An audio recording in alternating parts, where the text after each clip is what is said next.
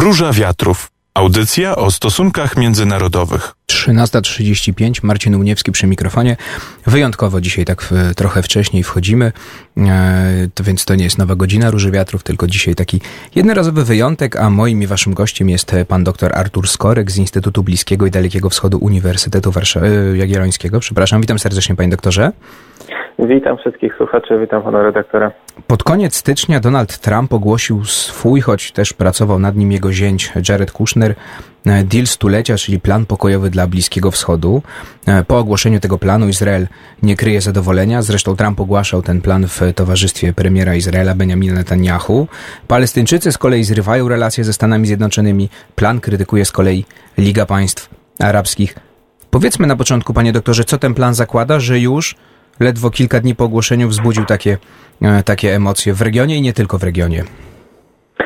Tak, można nawet powiedzieć, że on wzbudzał emocje nawet przed swoim ogłoszeniem. Palestyńczycy od początku mówili, że nie przejmą tego planu, e, nawet zanim on został ogłoszony. E, no, plan ten zakłada to, co musi zakładać każdy plan pokojowy na Bliskim Wschodzie, czyli powstanie państwa palestyńskiego. Natomiast to jest w zasadzie jedyna rzecz, która mogłaby ucieszyć Palestyńczyków, a wszystkie pozostałe rozwiązania tam przedstawione mm, raczej są proizraelskie.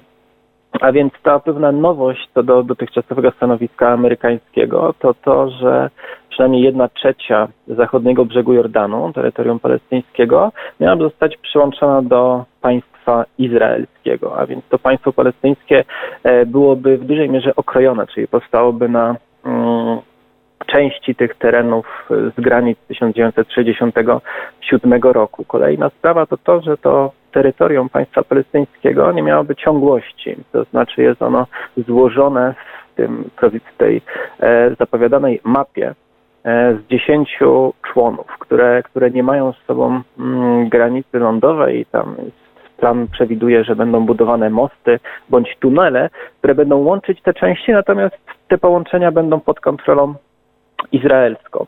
E, dodatkowo to państwo palestyńskie nie będzie w pełni suwerenne. To znaczy bezpieczeństwo zewnętrzne ma być gwarantowane przez Izrael. To wiąże się także z tym, że e, Palestyńczycy nie będą mogli mieć swojej armii, a także struktur paramilitarnych. No nie będą mieć także możliwości zawierania sojuszy wojskowych z innymi państwami. Przestrzeń powietrzna tego państwa palestyńskiego, chyba lepiej powiedzieć państwa minus, jak to się często e, w dyplomacji bliskowschodniej mm, wspominało należałaby także do Izraelczyków, a nie do Palestyńczyków. Przejścia graniczne kontrolowane byłyby także przez e, służby izraelskie. No i być może tym, co najbardziej zaognia mm, te palestyńsko-amerykańskie relacje, jest kwestia Jerozolimy. E, czyli to, co zaoferowano, to rzeczywiście, że Stany Zjednoczone uznają Jerozolimę także za stolicę Palestyny, wschodnią część Jerozolimy za stolicę Palestyny. Natomiast jak czytamy się w szczegóły, to chodzi jedynie o skrawki tej dzisiejszej Jerozolimy pod kontrolą izraelską e, oraz wioski podjerozolimskie, które leżą tuż przy Jerozolimie, no ale nigdy nie były zaliczane tak naprawdę do e, aglomeracji jerozolimskiej. Więc Palestyńczycy uznali, że jest są to raczej ochłapy, a nie e, realna propozycja pokojowa, mm, także jeśli chodzi o ich stolicę jerozolimską. Bo to tak jakby zaproponować, żeby powiedzmy e, marki podwarszawskie były tą Warszawą dla jednej strony, a cała reszta Warszawy dla tej drugiej strony porozumienia pokojowego. E, no i Kolejna rzecz, którą przewidywał plan, to czteroletni przynajmniej okres dochodzenia do tej państwowości palestyńskiej. Więc jest okres, w których będzie wprowadzone w życie wszystkie założenia e, tego planu. Jeśli ostatecznie okaże się, że Palestyńczycy są w stanie zbudować swoje struktury i gospodarcze, i polityczne, no to wtedy ta państwowość zostanie oficjalnie uznana. I ta warunkowość także nie jest tym punktem, który mógłby się spodobać stronie palestyńskiej. Właśnie Mahmoud Abbas grzmiał po tym, jak Trump ogłosił ten plan, że nie poddamy się i nie padniemy na e, kolana. Palestyńczycy właśnie mówią o takim kadłubkowym państwie, quasi państwie, mm, e, udawanym państwie. A z drugiej strony y, zwolennicy planu, Izrael, też część amerykańskich mm, polityków mówi, no ale są w tym planie też rzeczy, które powinny wam się podobać, no na przykład inwestycje w rozwój, y, w edukację i tak lepiej nie będziecie mieli, to może chociaż spróbujcie skorzystać z tego, co, co proponuje e, Donald Trump. Są tam jakieś plusy dla Palestyńczyków w tym planie, panie doktorze, faktycznie, które mógł, mogłaby strona palestyńska rozważyć, czy, mm, e, czy, czy, czy raczej e, z jej punktu mhm. widzenia wszystko nadaje się do kosza? Tak, to znaczy, jeśli chodzi o tą część ekonomiczną, ona już została zaprezentowana tak naprawdę pół roku temu w Bahrajnie, no to ona może być kusząca i to jest ta marchewka, która została zaprezentowana Palestyńczykom i te inwestycje przewidziane tym ekonomicznym planem pokojowym to 50 miliardów dolarów. No i dla gospodarki palestyńskiej, która e, jest jednak e, gospodarką słabo rozwiniętą, byłby to na pewno duży zastrzyk finansowy i z pewnością coś, co mogłoby im pomóc więc to na pewno ucieszyłoby Palestyńczyków, natomiast te kwestie ekonomiczne nigdy nie odgrywały dla nich pierwszorzędnej roli. Zawsze te kwestie polityczne, no i symboliczne po prostu suwerenności państwowej to było coś, co co było dla nich najważniejsze. E, no, na pewno jakimś małym, ale jednak e, symboliczny, symbolicznym gestem strony Palestyny jest zapowiedź tego, że e, Stany Zjednoczone otworzyłyby w Jerozolimie Wschodniej swoją ambasadę, jako ambasadę właśnie państwa palestyńskiego na końcu tego procesu pokojowego. E, natomiast no, tak jak wspomniałem, to, to nie jest ta Jerozolima czy Al-Quds w języku arabskim, o której marzą Palestyńczycy. E, te, te plusy, o których Pan mówi, rzeczywiście można by w większej mierze dostrzegać, porównując tą dzisiejszą sytuację, więc z, z, tym ewentualnym, z tą ewentualną realizacją zamiarów Donalda Trumpa. E, więc dzisiaj sytuacja Palestyńczyków nie jest lepsza od tej, która byłaby, gdyby zaakceptowali plan pokojowy. E, więc, więc na pewno mm, plan przewiduje także to, że część terytoriów, które dzisiaj nie są częścią Izraela, ale są w pełni kontrolowane przez Izrael, czyli tak zwana strefa C, e, jak ją nazwano w porozumieniach z Oslo w lat 90., zostałaby przekazane pod zarząd struktur palestyńskich, które potem zostałyby ogłoszone tym państwem palestyńskim. Więc w tym sensie zyskiwaliby to terytorium. E, no tak, ale to jest właśnie ta perspektywa raczej izraelska i amerykańska. Palestyńczycy mhm. mają tą inną perspektywę, mówiącą, że raczej odbiera im się tą ziemię, którą powinni mieć zgodnie z granicami z 1967 roku. Moim waszym gościem cały czas dr Artur Skorek, Instytut Bliskiego i Dalekiego Wschodu, Uniwersytet Jagielloński, a rozmawiamy o planie Donalda Trumpa, planie pokojowym dla Bliskiego Wschodu. Donald Trump pod koniec stycznia e, w towarzystwie premiera Izraela Benjamina Netanyahu, to też jest znaczące, mm, ten plan ogłosił. No Izrael się oczywiście cieszy, Stany Zjednoczone, znaczy administracja Donalda Trumpa się cieszy, twierdzi, że to jest wreszcie plan, który może zagwarantować istnienie dwóch państw Izraela i Palestyny. Palestyńczycy z kolei twierdzą, że jest to takie państwo kadłubkowe według tego planu, czy niesuwerenne państwo, które i tak będzie pod kontrolą mm, Izraela, będzie musiał być zdemilitaryzowane, więc nie będzie miał swojej armii, swojego wojska, nie będzie kontrolowało swojej przestrzeni powietrznej. Czy zgadza się pan, panie doktorze, z tymi ekspertami, którzy twierdzą, że Biały Dom to tak naprawdę od początku wiedział, że ten plan zostanie zaakceptowany wyłącznie przez Izrael, a ogłoszono go tylko po to, żeby zrobić kolejny zresztą już prezent Benjaminowi Netanyahu, tym razem przed marcowymi wyborami. Premier tonie, zarzuty korupcyjne na nim ciążą. Nie, uda się, nie udaje się cały czas stworzyć trwałego rządu, więc Donald Trump w ten sposób kolejny raz wyciąga pomocną dłoń dla swojego przyjaciela. Tak, pewnie zależy w którym momencie, bo pamiętam też pewien e, entuzjazm, kiedy Donald Trump dochodził do władzy i być może jeszcze nie zdawał sobie sprawę z tego, jak skomplikowaną sytuację mamy na Bliskim Wschodzie, ale dosyć buńczucznie zapowiadał, że no ten najtrudniejszy do rozwiązania węzeł gordyjski rzeczywiście on rozwiąże. Tak jak te poprzednie administracje mm, amerykańskie podchodziły do tego problemu i zawsze kończyło się to fiaskiem, no tak on rozwiąże ten problem, bo jest Donaldem Trumpem, a nie wszystkimi innymi prezydentami Stanów Zjednoczonych. E, I być może wtedy jeszcze wierzył w to, że, że jest to realne. Natomiast no przynajmniej od 2017 roku, kiedy Palestyńczycy stwierdzili, że nie będą e, na wysokim, na wysokim szczeblu utrzymywać relacji z państwem amerykańskim po tym, kiedy Stany Zjednoczone mm, uznały Jerozolimę za stolicę Izraela, no było dosyć jasne, że nie da się tego planu zrealizować, no bo ten plan zakłada istnienie dwóch państw. Skoro Palestyńczycy od razu mówią, że nie wchodzą w ten plan, no to nie ma on szans realizacji. E, więc na pewno e, można tutaj mówić o tym kontekście wewnętrznym i izraelskim, i amerykańskim, czyli byłby to plan, który przyjąłby zarówno Benjaminowi Netanyahu w Izraelu, a więc przyjacielowi politycznemu Donalda Trumpa, ale także prawdopodobnie zwiększa szanse na reelekcję samego Donalda Trumpa w Stanach Zjednoczonych, jako że duża część społeczeństwa amerykańskiego ma um, wyraźne stanowisko proizraelskie. No, w związku z tym taki gest w stronę Izraela, jakim jest ten plan pokojowy, na pewno jest czymś, co ich ucieszy. E, można też to rozpatrywać e, z punktu widzenia innych państw arabskich i wydaje się, że takie państwa jak Arabia Saudyjska czy Zjednoczone Emiraty Arabskie, e, one oczekiwały od Donalda Trumpa, że da im pewien pretekst do tego, żeby już oficjalnie mogły one zacieśniać relacje z Izraelem, do czego dążą. I tym pretekstem właśnie miałby być jakiś plan pokojowy, który dawałby coś Palestyńczykom i w tym sensie Arabia Saudyjska powiedzmy mogłaby powiedzieć, że w związku z tym włączamy się w ten plan pokojowy i także uznajemy państwo e, izraelskie.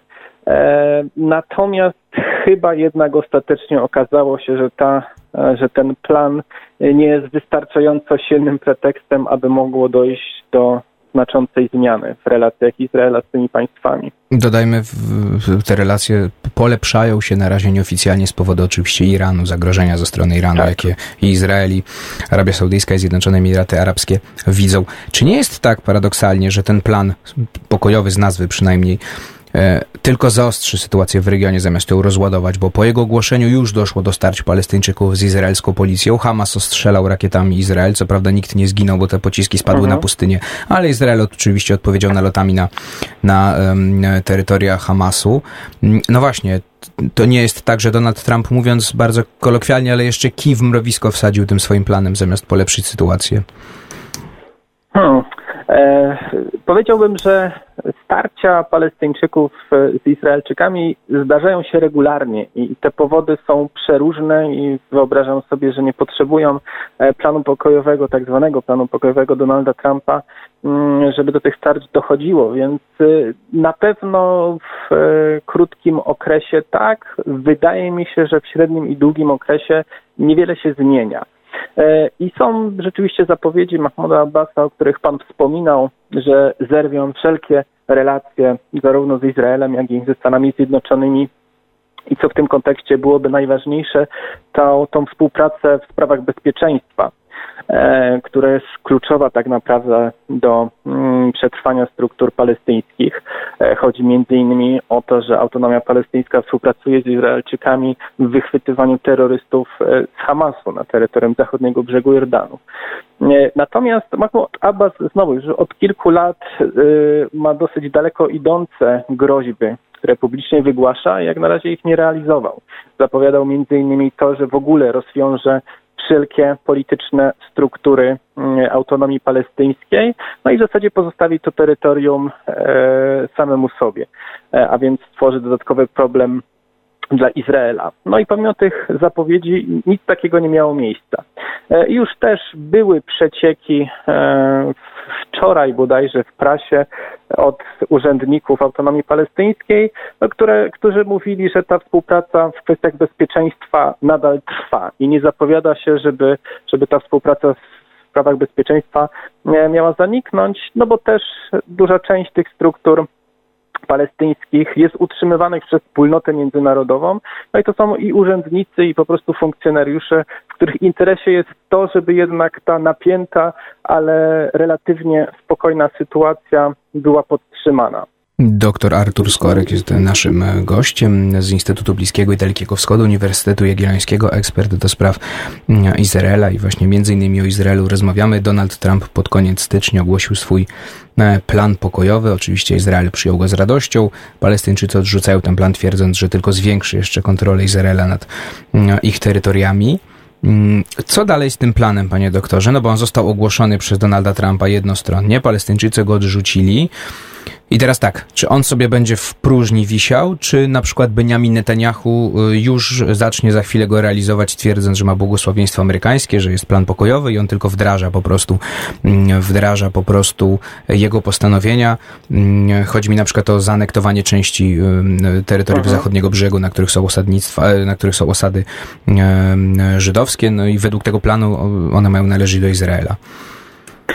E, tak, e, tak naprawdę to się okaże, ale rzeczywiście już dzień po ogłoszeniu tego planu Benjamin Netanyahu zapowiedział, że natychmiast przekazuje sprawę aneksji, e, no tej części przewidzianej planej do, do, planem do aneksji mm, do parlamentu, żeby oficjalnie tą aneksję potwierdzić. I ten plan bardzo szybki został powstrzymany i co ciekawe został powstrzymany przez Kushnera, przez administrację amerykańską, e, która wydaje się została zaskoczona szybkością działań Benjamina Netanyahu e, i jak na razie ten plan jest zawieszony. I ta nowa e, zapowiedź Benjamina Netanyahu to, że zajmie się tą aneksją już po wyborach e, izraelskich. Wybory mamy w marcu, więc prawdopodobnie w marcu by ten temat wrócił.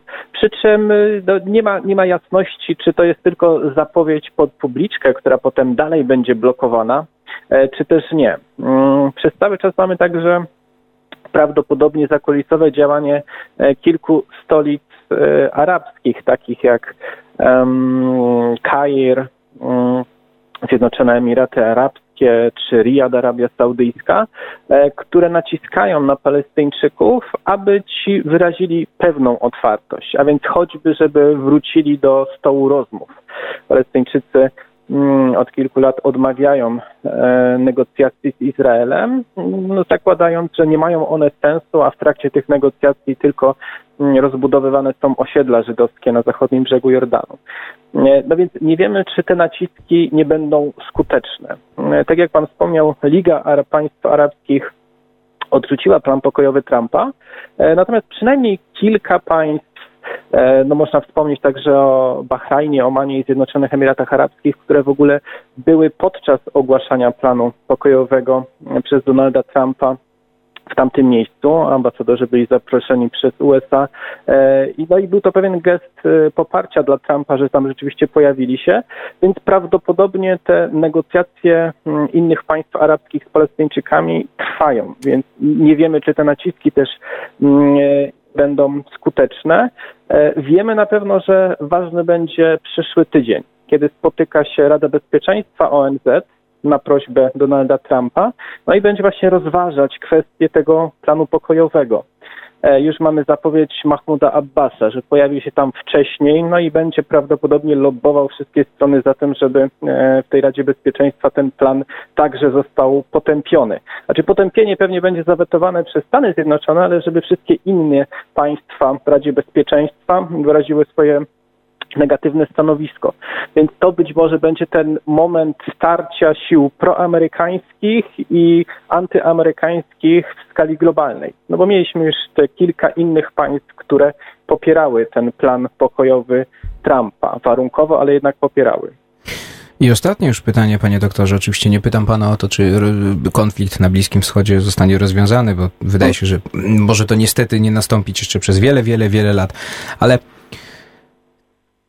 czy idea dwóch państw, która tak naprawdę przyświeca od lat rozmowom i to by był ten idealny cel dla Palestyńczyków, no tylko nie w takim właśnie kontekście, jak Donald Trump to przedstawił w planie pokojowym, tylko państwa w pełni niezależnego, które kontroluje swoje granice, ma swoją armię, oddalił się jeszcze bardziej, o ile jeszcze w ogóle może się oddalić, no bo mamy Donalda Trumpa, który jest ewidentnie proizraelski, stawia często Palestyńczyków przed faktami dokonanymi, jak chociażby z ambasadą w Jerozolimie, prawda, amerykańską, czyli uznaniem uh -huh. de facto Jerozolimy za stolicę. No, no mamy Benjamina Netanyahu, który jest jastrzębiem, czy twardogłowym, jak go nie nazwać, który e, pan powiedział, wstrzymano to na razie, no ale on już parokrotnie zapowiedział aneksję części terytoriów tak. zachodniego brzegu Jordanu. No właśnie, czy będziemy teraz świadkami dalszego spychania Palestyńczyków na pozycje mm, defensywne, tak? Czy, czy ta idea właśnie dwóch państw już rozmyła się tak daleko, że już chyba tylko naprawdę fantaści y, jeszcze głośno o niej mówią? E, myślę, że Palestyńczycy mogą mieć jeszcze nadzieję, ale słusznie pan zauważył, te nadzieje chyba są coraz mniejsze.